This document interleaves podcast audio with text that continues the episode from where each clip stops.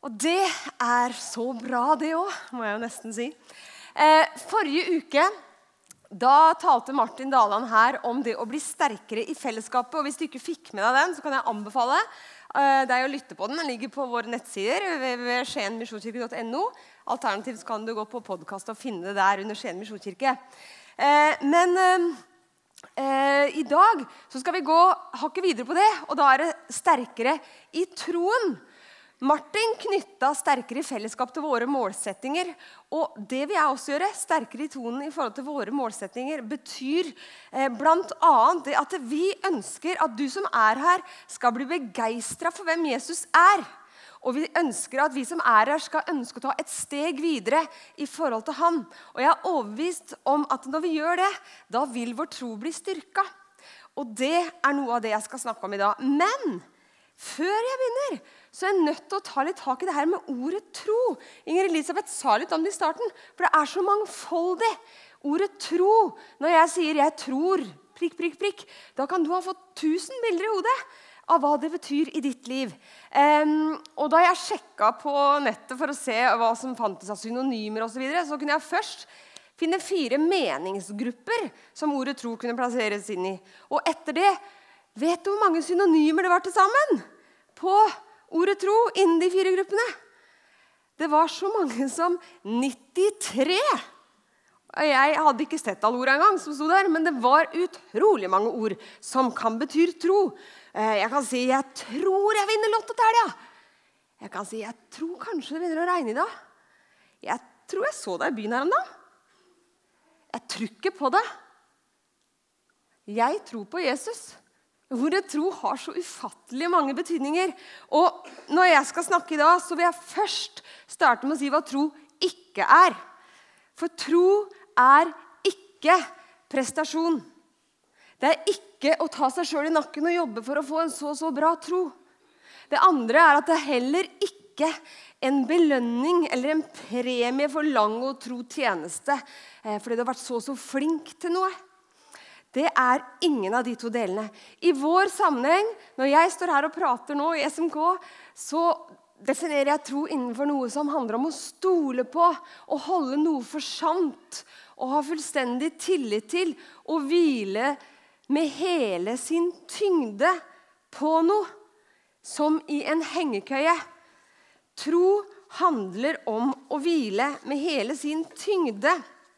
Og i vår setting, da, så er jo da tro knytta opp mot det usynlige, mot Gud. Jeg tror at Gud eksisterer, og det legger jeg som en sånn betingelse under alt jeg sier. faktisk. Det er et premiss for det jeg skal si.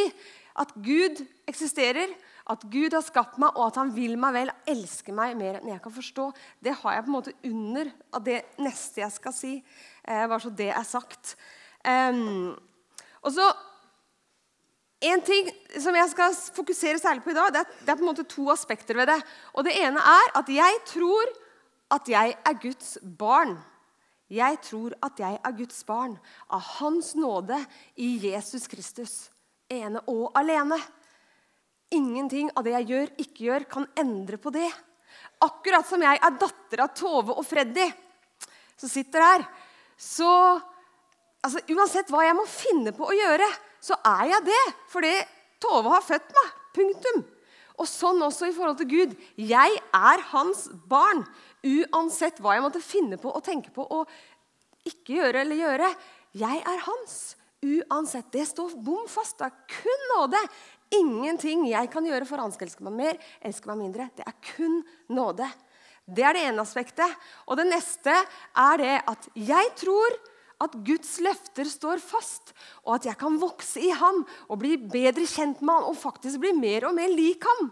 For det forteller Bibelen meg, og det lærte Jesus meg. Jeg tror at jeg kan leve med Jesus mer og mer hver dag. For hans løfter holder. Og Her i SMK så er vi litt sånn opptatt av å ikke bruke sånne rare ord som står der, rettferdiggjørelse og helliggjørelse og sånn. Vi ønsker å bruke vanlige norske ord så folk flest forstår hva vi sier. Men det er noen ganger de begrepene er nødvendige. Og jeg tenker at her er de nødvendig. Rettferdiggjørelse er det at jeg er Guds barn. Han har gjort det ferdig. Han har satt meg i rett forhold til Gud, og han har gjort det helt ferdig. Jeg er rettferdiggjort i Jesus. er ikke noe mer jeg kan gjøre fra eller til.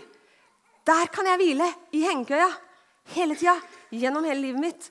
Mens del B her, da, som handler om hvordan jeg akter og ønsker å leve, hvordan jeg ønsker å bruke tida mi og fokusere tankene mine på hva jeg ønsker å prioritere, det er mitt valg. Der kommer inn hva jeg ønsker å gjøre og ikke gjøre. De rokker ikke ved A. Men min helliggjørelse, som Bibelen kaller det for, den er det på en måte opp til meg. Gud legger sin nåde til også der. Takk og pris for det. For det er han som gjør det i meg. Men jeg må være villig. Jeg må være villig til å ta steg og si, 'Jesus, her er jeg. Jobb med meg.' Så Bare så dere har det først. Og så er det veldig viktig for meg å si at den punkt B der springer ut av punkt A. Hvis jeg hopper rett inn i punkt B og begynner å ta meg sammen for å ligne Jesus, da får jeg et slitsomt liv. For det fikser jeg ikke. Jeg er nemlig menneske, og Gud er Gud. Eh, og det er bare han som kan gjøre den jobben fra innsida i meg, så at jeg kan bli mer som den han har skapt meg til å være. Så kan jeg bli til fulle den Linda han hadde i tanken den gang han skrudde meg sammen og sydde meg i hop og skapte meg i mors liv. Eh, det syns jeg er altså den, det, det, er et veldig viktig rekkefølge. Ellers så blir kristenlivet et slit. Men det er nåde. Takk og lov for det.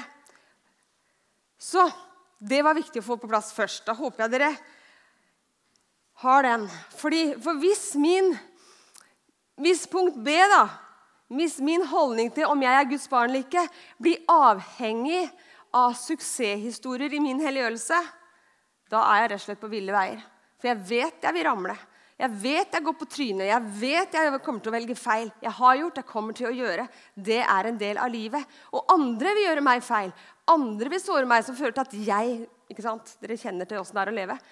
Eh, så hvis A blir avhengig av B, da er vi på ville veier. Vi er nødt til å holde fast i A uansett. Altså, og A som forstått som det å være rettferdiggjort i Jesus. For livet er jo ikke bare enkelt. Og av og til så skjer det utfattelig vonde som Inger Elisabeth viste til i stad. Av og til så dør til og med barn. Så vi ber for og ber for og ber for og tenker Gud, hvor er du hen? Syria, ISIS, you name it. Det popper opp overalt. Ah, hvor er du? Svar! Noen ganger skal jeg lure på hvorfor griper du ikke inn? Og jeg kan bli så frustrert. Og så tenker jeg, ah, jeg kan bli sint. Og jeg akter å holde fast på retten til å være fortvila og frustrert og rope til Gud i min fortvilelse. Det tror jeg vi kan, nettopp fordi vi er hans barn og trygge på den relasjonen. Men samtidig med at jeg roper ut min fortvilelse når jeg opplever at Gud har god tid og god råd, så vil jeg også holde fast på den bekjennelsen av han er mer enn jeg kan forstå. Han er større enn det jeg ser i mitt lille vindu. Han griper ikke alltid inn, og jeg forstår ikke hvorfor. Men det må jeg leve med. Jeg akter like fast å holde fast på bekjennelsen at han er større enn alt jeg ser. Og han er av og til også uforståelig og uforklarlig. Han er mysteriets gud. Dette handler nemlig ikke om meg. Det handler om hvem Gud er, og ikke hvem jeg er. Det er for meg veldig godt å vite noen ganger når verden raser, og når livet mitt raser. En venn sa nylig til meg det at eh, da, i, da, jeg var i krise, så var det ikke jeg som holdt fast i troen, men det var troen som holdt fast i meg. Og Det er så veldig sånn god rekkefølge, det også. At, for at, å, jeg tror, jeg tror, jeg tror, Og så blir det bare et strev. Men det er faktisk det at troen holder fast i deg. Du er Guds barn og kan hvile i hengekøya også når livet strutter og butter og gjør alt mulig rart med oss. Jeg tenker at Jesus han var faktisk vel kjent med smerte og tap. Og Nå tenker jeg ikke bare på kors og død, og det her, men jeg tenker på livet hans. Fordi at eh, Man antar at eh, Jesus bodde lenge hjemme hos Maria. Og man antar at det kunne ha sammen med at han mista Josef, faren sin, ganske tidlig. At han døde ganske tidlig. Med andre ord Guds egen sønn bor med sin stefar Josef, og han dør fra dem. Han vet, Jesus vet hva det vil si å miste. Han kunne vel helt sikkert ha grepet inn da også, han. Han gjorde ikke det. Så Jesus måtte leve med dette dilemmaet at Gud kan alt. Men livet smerter. Gud er et mysterium. Og jeg tenker at En slitesterk tro bærer gjennom også smerten. Holder fast på også i det uforklarlige og i det uforståelige. Den klamrer meg fast til at ingenting noensinne, verken sorg eller smerte eller dødsfall eller sykdom eller arbeidsmisting og jeg vet ikke hva Ingenting kan skille meg fra Guds kjærlighet, fra Kristi kjærlighet. Det er på den klippen jeg står. På det kan jeg leve livet mitt. Det rokkes aldri.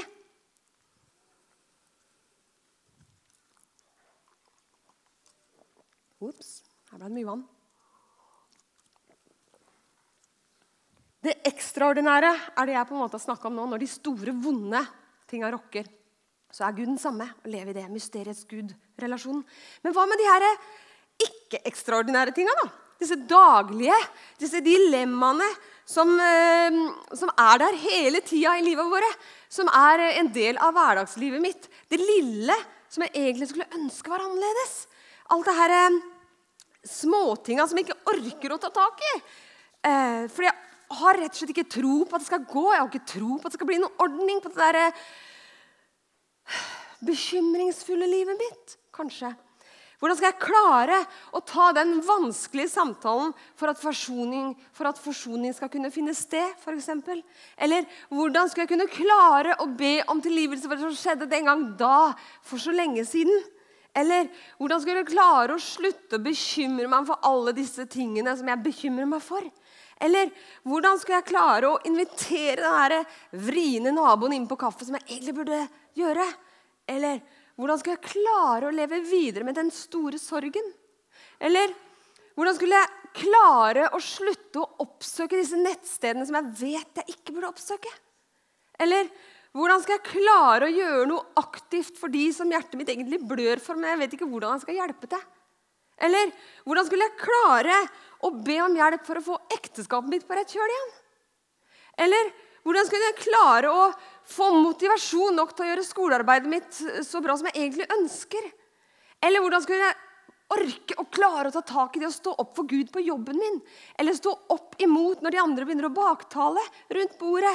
Åssen skal jeg klare å ta tak i alle disse vanlige problemstillingene som jeg vet jeg burde gjøre noe med, men jeg orker ikke Gud. Jeg fikser ikke, det er så slitsomt. Så skal jeg få tro sterkt nok til å tro at det kan gå. Jeg tror at vårt åndelige liv er så konkret som den lista jeg nettopp sa. Jeg tror at Gud, vår himmelske Far, bryr seg så om nettopp alle disse hverdagslige dilemmaene våre og ønsker å gi oss styrke nok, tro nok til å ta de rette valga når situasjonene er der. Han ønsker oss tro til å sette det ene beinet foran det andre og begynne å gå i rett retning og ta de rette valga. Men vi er nødt til å være villige. Jeg er nødt til å ønske å slippe han til. Jeg kan ikke bare la det skure, liksom. Jeg tror nemlig at eh, når vi våger det og slipper han til og lar han gi oss mot å ta ene beinet foran det andre, så vil han også sørge for oss mens vi går. Og så får vår tro styrke i det vi merker ja, men, ja, men det bærer jo. Det bærer jo, Jeg kan ta det steget. Det var ikke farlig å ta telefonen opp og ringe den. Det gikk jo. Han hjelpa meg til å si de rette tinga underveis. Det, det landa. Ok, så blei vi ikke bestevenner etterpå, men det landa. Vi klarte det. Er, erfarer man at det, as we go, altså, mens vi går, så, får vi styrke. Så gir han oss visdom. Og Bibelen er spekka med eksempler fra Det gamle til Det nye testamentet på mennesker, vanlige folk som deg og meg, som gjorde gode valg, og som satsa på Gud. De gjorde også dårlige valg og ramla, men så hvilte de i Å, Gud, jeg kan komme tilbake til deg, for du er min far. Det er en tillitsfull og en sterk relasjon som aldri vil ta slutt. Jeg ramla, men jeg kan reise meg igjen. Eksempel på noen som turte å sette ene beinet foran det andre, var for, fra, fra Josfa-boka. Moses hadde gått av som leder av folket, og nå var det Josfa sin tur til å lede israelsfolket fra ørkenen og inn i det lova landet. De sto på ørkenen, eller var fortsatt i ørkenen, og så var det svær elv, Jordan, foran dem. Eh, som flomma over av vårløsning. Og det var strøm, og det var vann, og det var flom. Og Gud ber de gå over. Og så er det noen, kanskje gærninger, som tør å sette det ene beinet uti elva. Som flommer. Som ikke er sånn bakkestranda, altså. Den flomma de satte beinet i, og vannet reiste seg som en vegg der vannet kom fra. Og det rant bort og tørka ut den andre veien, og de kunne gå over tørrskodd. Hva om ingen noensinne hadde turt å sette den der beinet uti vannbredden? Det hadde ikke skjedd. Og all logikk tilsier at det, her er det vann, vi kan ikke gå over.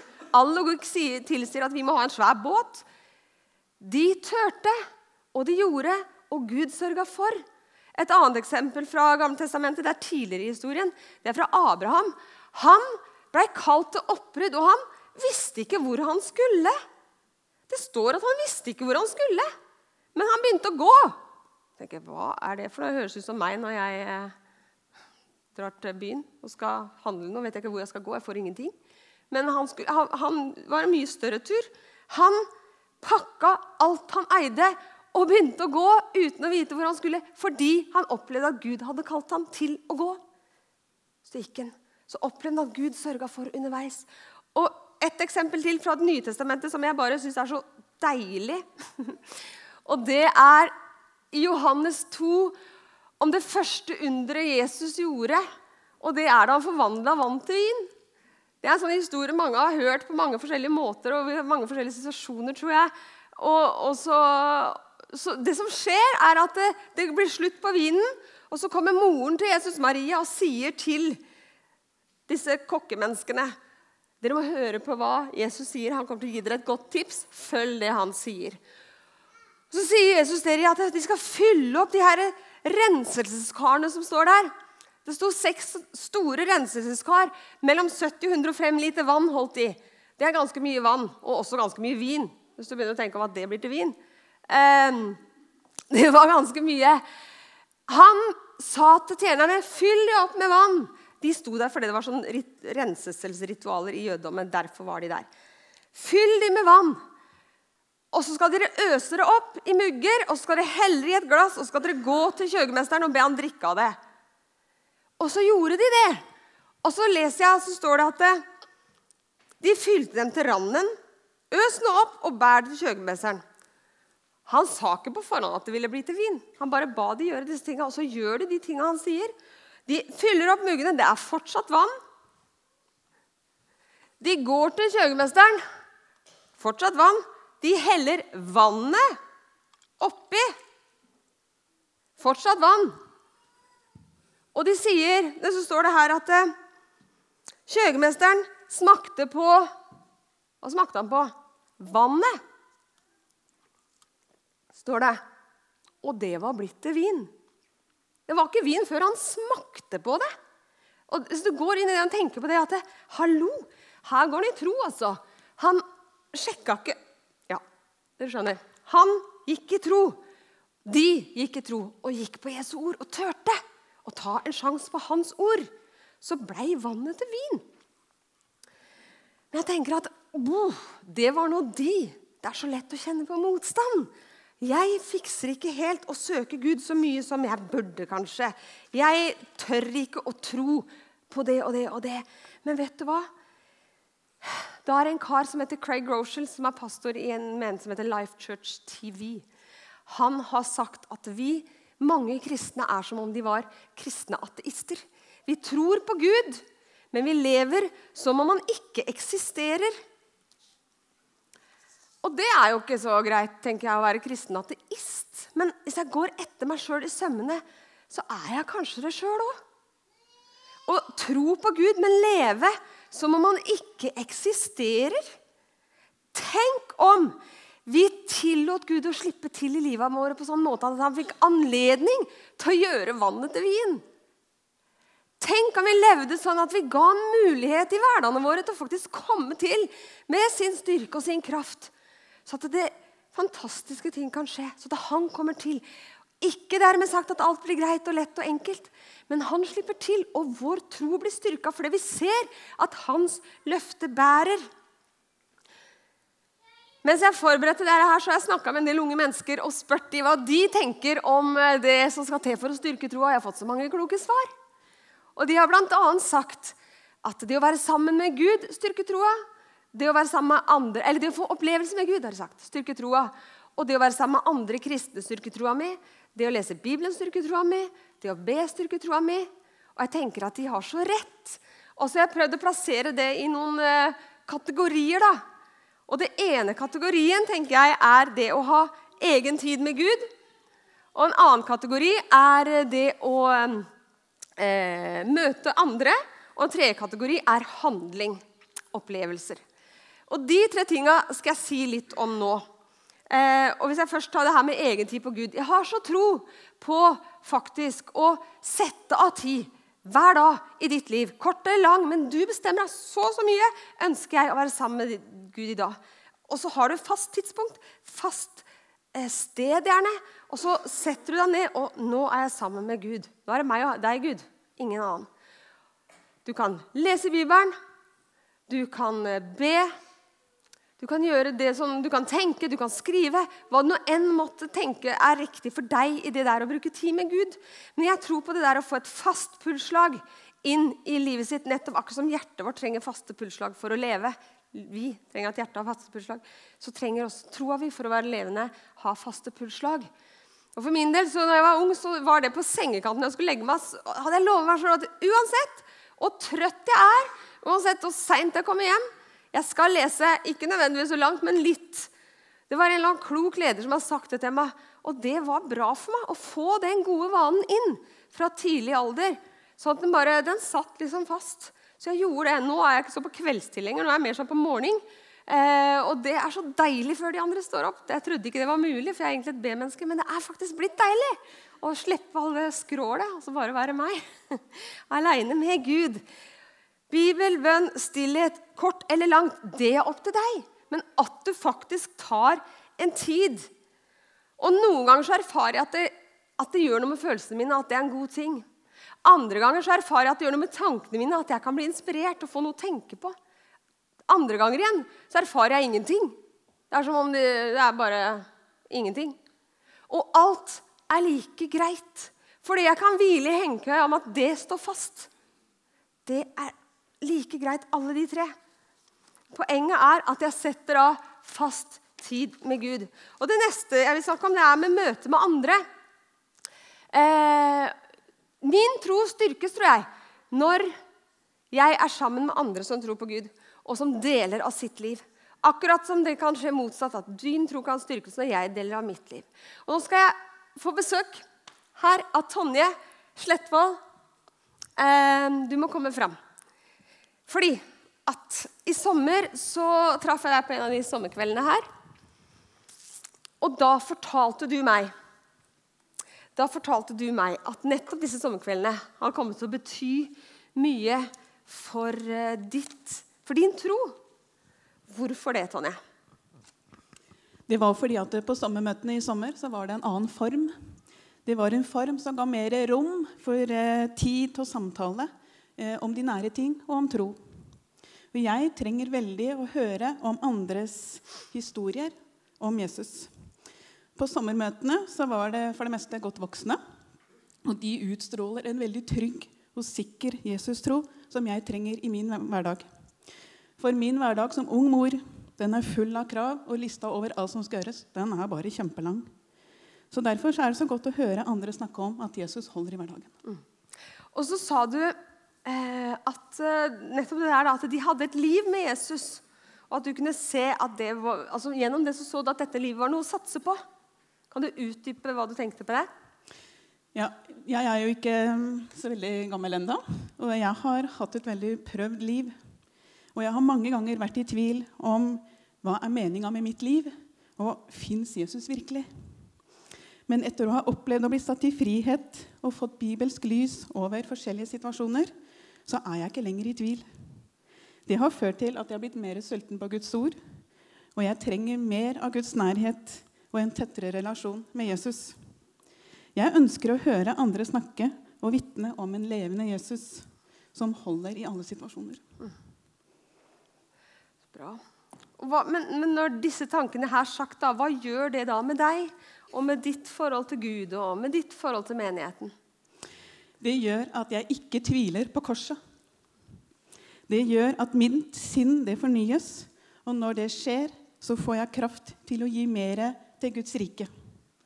Relasjonen til Jesus det blir mye mer følsomt, og jeg kjenner at jeg går i mer ferdiglagte gjerninger. Og I fjor omtrent på denne tida her, så sto jeg i en veldig tøff situasjon, og jeg var fullstendig utslitt og jeg var helt tappa for krefter. Jeg kjente at nå har jeg ikke noe mer å gi.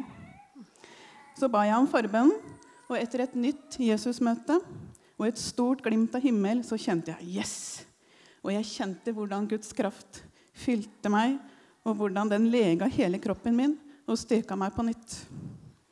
Og jeg trenger menigheten, og jeg kjenner at Gud vil bruke meg her. Det er så viktig for meg at folk utvikler en trygg Jesus-tro og får en nær og levende relasjon med Jesus. Det er min måte å ære Gud på. Takk skal du ha. Gi en klapp.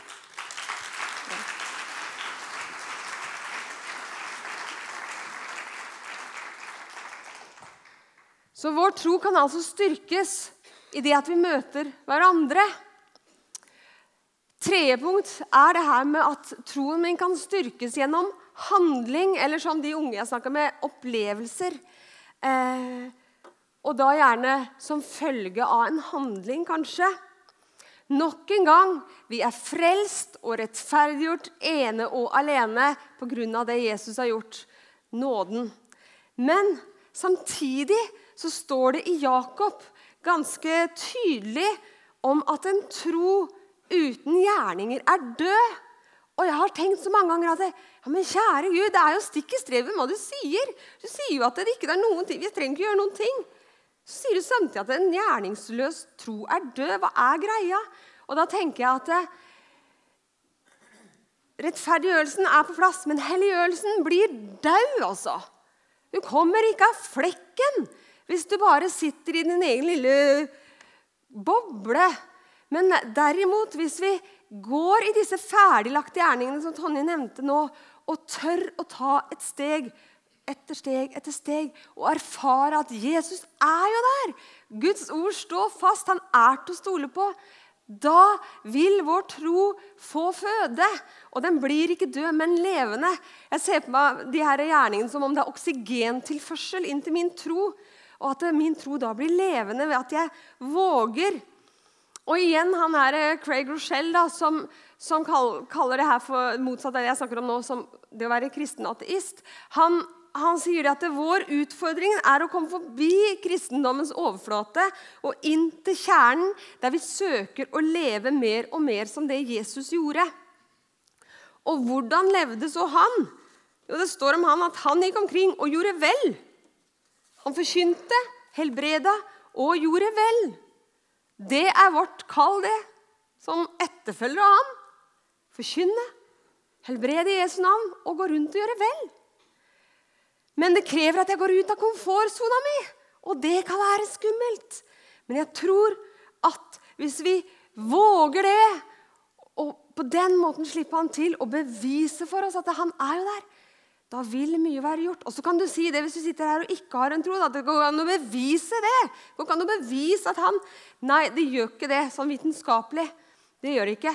Men for den det gjelder, så blir det som et bevis. Fordi man erfarer så sterkt og opplever ikke nødvendigvis sterkt som i rosenrødt og bliss, men sterkt som at han holder jo ord. Han er der. Han, han er en plattform å stå på. Vi erfarer det så sterkt at det for meg personlig blir et gudsbevis eh, og et bevis på hans eksistens.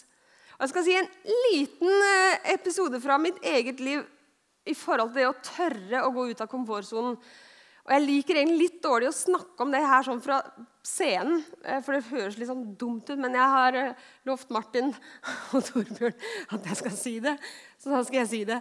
Eh, fordi at det, for, I flere år så har jeg grått på innsida over disse tiggerne i byen. Jeg syns det er helt forferdelig at mennesker skal måtte rømme landa sine og sitte her og tigge. Og for et liv! Og det er liksom Åh, kjære Jesus, altså. Kan det ikke være sånn? Så jeg har slitt ah, Men hva kan jeg gjøre med det? Og det er storpolitikk og bla, bla, bla. Og det er masse, det, det er masse vi kan si om det.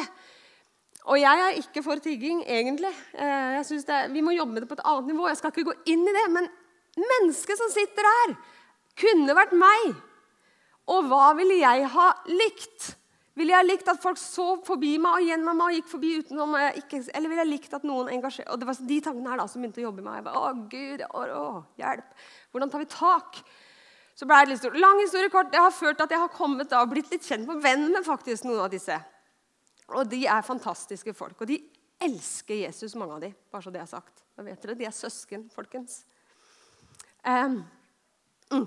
Og så har jeg kommet da, tørt også, Det var forferdelig vanskelig og kleint første gang. Men da traff jeg som kunne engelsk, så ble det lettere. Da er det mye lettere, ikke sant? Så får vi en relasjon, og så har det bygd seg ut. Og før sommeren så fikk jeg den, eller jeg har hatt den ideen lenger, men før sommeren så turte jeg å gjøre noe med det. En idé om å lære noen av de å strikke. Jeg tenkte, er det mulig? Jeg kan jo ikke lære de å strikke. Eh, men jeg fikk ikke fred for den tanken. da. Og så og grunnen til å lære de å strikke var jo det der at da, En ting er at de får noe konkret å gjøre. Forferdelig kjedelig å sitte med den koppen. har jeg tenkt så mange ganger. Og, så da har de i hvert fall noe å gjøre. og så tenker jeg at det er lettere for meg å gi garn enn penger. Og ikke minst de får noe de kan lage og selge. Og det blir så mye mer verdighet over det. Å selge noe de har lagd. Så mye lettere å kjøpe enn noe de har lagd. Og tenkte jeg, Vi får strikke sitteunderlag så vi kan tove så ikke hullene syns. har jeg tenkt. Så vi altså, så spurte jeg om de var interessert, og det var de. Ja, vil du lære meg å strikke? Ja, 'Vil du være med bort i kirka vår? Vi kan sitte der. Kan vi ta en kaffe?' og bla, bla, bla. 'Ja, men jeg, da, jeg kan jo ikke gå fra jobben min', svarte hun. 'Det her er jo jobben min.' Ok, Så sa hun med andre ord at jeg måtte komme dit. Så jeg, kan ikke sette meg der og strikke. Jo, men det kan du. Det er som om jeg har sånn indre dialog. Dere vet åssen det er meg og Gud snakker. Altså. Det er klart du kan sette deg ned der. Enden på den visa blei at jeg da satte meg ned der en mandag fra 12 etter fire eller tre eller hva den blei for noe. etter fire eller noe sånt. Noe. Vi satt for tre timers tid og strikka. Og de to som satt der, da, lærte å strikke. Hun ene er her fortsatt, hun andre har reist hjem. Og det som jeg syns gjør historien så fantastisk fin, er at nå Jeg hadde ikke sett dem på lenge pga. sommerferier osv. Kom jeg forbi der nå for en halvannen ukes tid siden, så satt hun og solgte sokker som hun har strikka. Noen sånne små tøfler Eller ikke små, voksenstørrelse. Tøfler som hun har strikka. Og hun sa de kjøper de, sa hun til meg. Hun kan ikke engelsk, hun her, så det er litt vanskelig, men jeg skjønte hva hun mente. Og vi snakker sammen på sånn norsk-engelsk, romani, tysk-spansk måte. Og hender, selvfølgelig. Så hun hadde solgt flere. Når jeg gikk forbi seinere, hadde hun solgt resten den dagen. Og det, yes! Og det tenker jeg er Gud som kom meg den ideen. Og når jeg tenkte på det først jeg kan jo, jeg, jo, jeg kunne det. Og jeg, det som var så rart, var at når jeg da satte meg ned der med strikkepinnene den dagen og begynte å strikke, da, så er det som om verden blir borte. Og det er bare hun og meg og Jesus. Og det syns jeg er ganske deilig. Det var oss. Jeg brydde meg ikke om at jeg satt i Ligata, trafikken er stor, og at folk så. For det var så sånt jeg tenkte på foran alle de som sier Å, gud, dere vet åssen det er. Ehm, men, men når jeg satte meg ned der, så var det som om de var borte. Og jeg tror at når vi går på Guds ord og tør å gå på hans innskytelser og ta en sjanse i hans navn, så er det som om alt annet blir borte, og det eneste som står igjen, er han og det du holder på med. Han og den andre. For det vi er kalt til primært, er å elske Herren vår Gud og vår neste som oss selv. Det vil han at vi skal gjøre, og han vil hjelpe oss til det. Og når vi gjør det, så gir han oss kraft til å gjøre det. Tror jeg. Det blir en god spiral å komme inn i. Vi gir Jesus anledning til å bevise for oss at han er der. Vi lever på en sånn måte at vi gir han anledning til å gjøre det i våre liv. Og der er vi mitt mål for i dag. Jeg har lyst til å utfordre deg på å leve på en sånn måte at Gud får anledning til å bevise for deg at han fins. Leve på en sånn måte at han får anledning til å vise at hans løfter holder. Det krever at du setter den ene foten foran den andre. Det krever at du vil, at du er villig. Men utover det så er han med. Og det er bare opp til meg og deg å ta den sjansen. Og kanskje du er her i dag og ikke har tatt imot hoppsi hengekøya engang. At du har ikke, valgt, og sagt til Jesus jeg tror at det du har gjort for meg, gjeld, eller det du har gjort, faktisk gjelder meg. Rettferdiggjørelsen. Og min utfordring til deg er våg å teste ut. Hvor gærent kan det gå, da? Sjekk ut om det er sant at hans verk holder for deg, og at du kan kalle deg Guds barn. For alle de som tok imot Jesus, de ga han rett til å bli Guds barn. Står det i Johannes 1,12. Utfordring til å ta imot rettferdiggjørelsen. Utfordring to til å begynne å leve på en sånn måte at han får anledning til å vise hvor stor han er i ditt liv. Det handler om at du er villig. Det handler om at du faktisk bruker tid på han og spør han. Pleier relasjonen med hans. Bli bedre kjent med han. Og gå på de innskytelsene han måtte gi deg i løpet av dagen. Så nå har jeg lyst til å gjøre noe jeg aldri har gjort før. når Jeg har stått her. Jeg har opplevd når jeg har sittet der, men aldri her. Jeg skal rett og slett utfordre dere på å rekke opp handa. Hvis noen kjenner at det, det her berører meg. Jeg har lyst til å ta det steget. Jeg har lyst til å leve sånn, Gud, at du får bevist at du fins inni mitt liv. Hvis du har lyst til å si til Gud 'Jeg er villig, Gud' Det bør ikke være sånn her kvantesteg. Kan være musesteg. Men det er en prosess, og vi kommer inn i en god spiral der vi blir bedre og bedre kjent med Jesus og erfarer at han holder. Så nå vil jeg bedre å lukke øynene deres. Og hvis du kjenner at det her berører deg, og du tenker at ja, det vil jeg, og jeg vil vise det til Gud, og jeg vil bli bedt for nå, så har jeg lyst til at du skal rekke opp hånda di.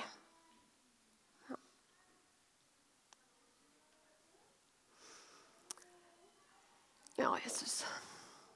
Jeg takker deg, Herre Jesus, for at du er her.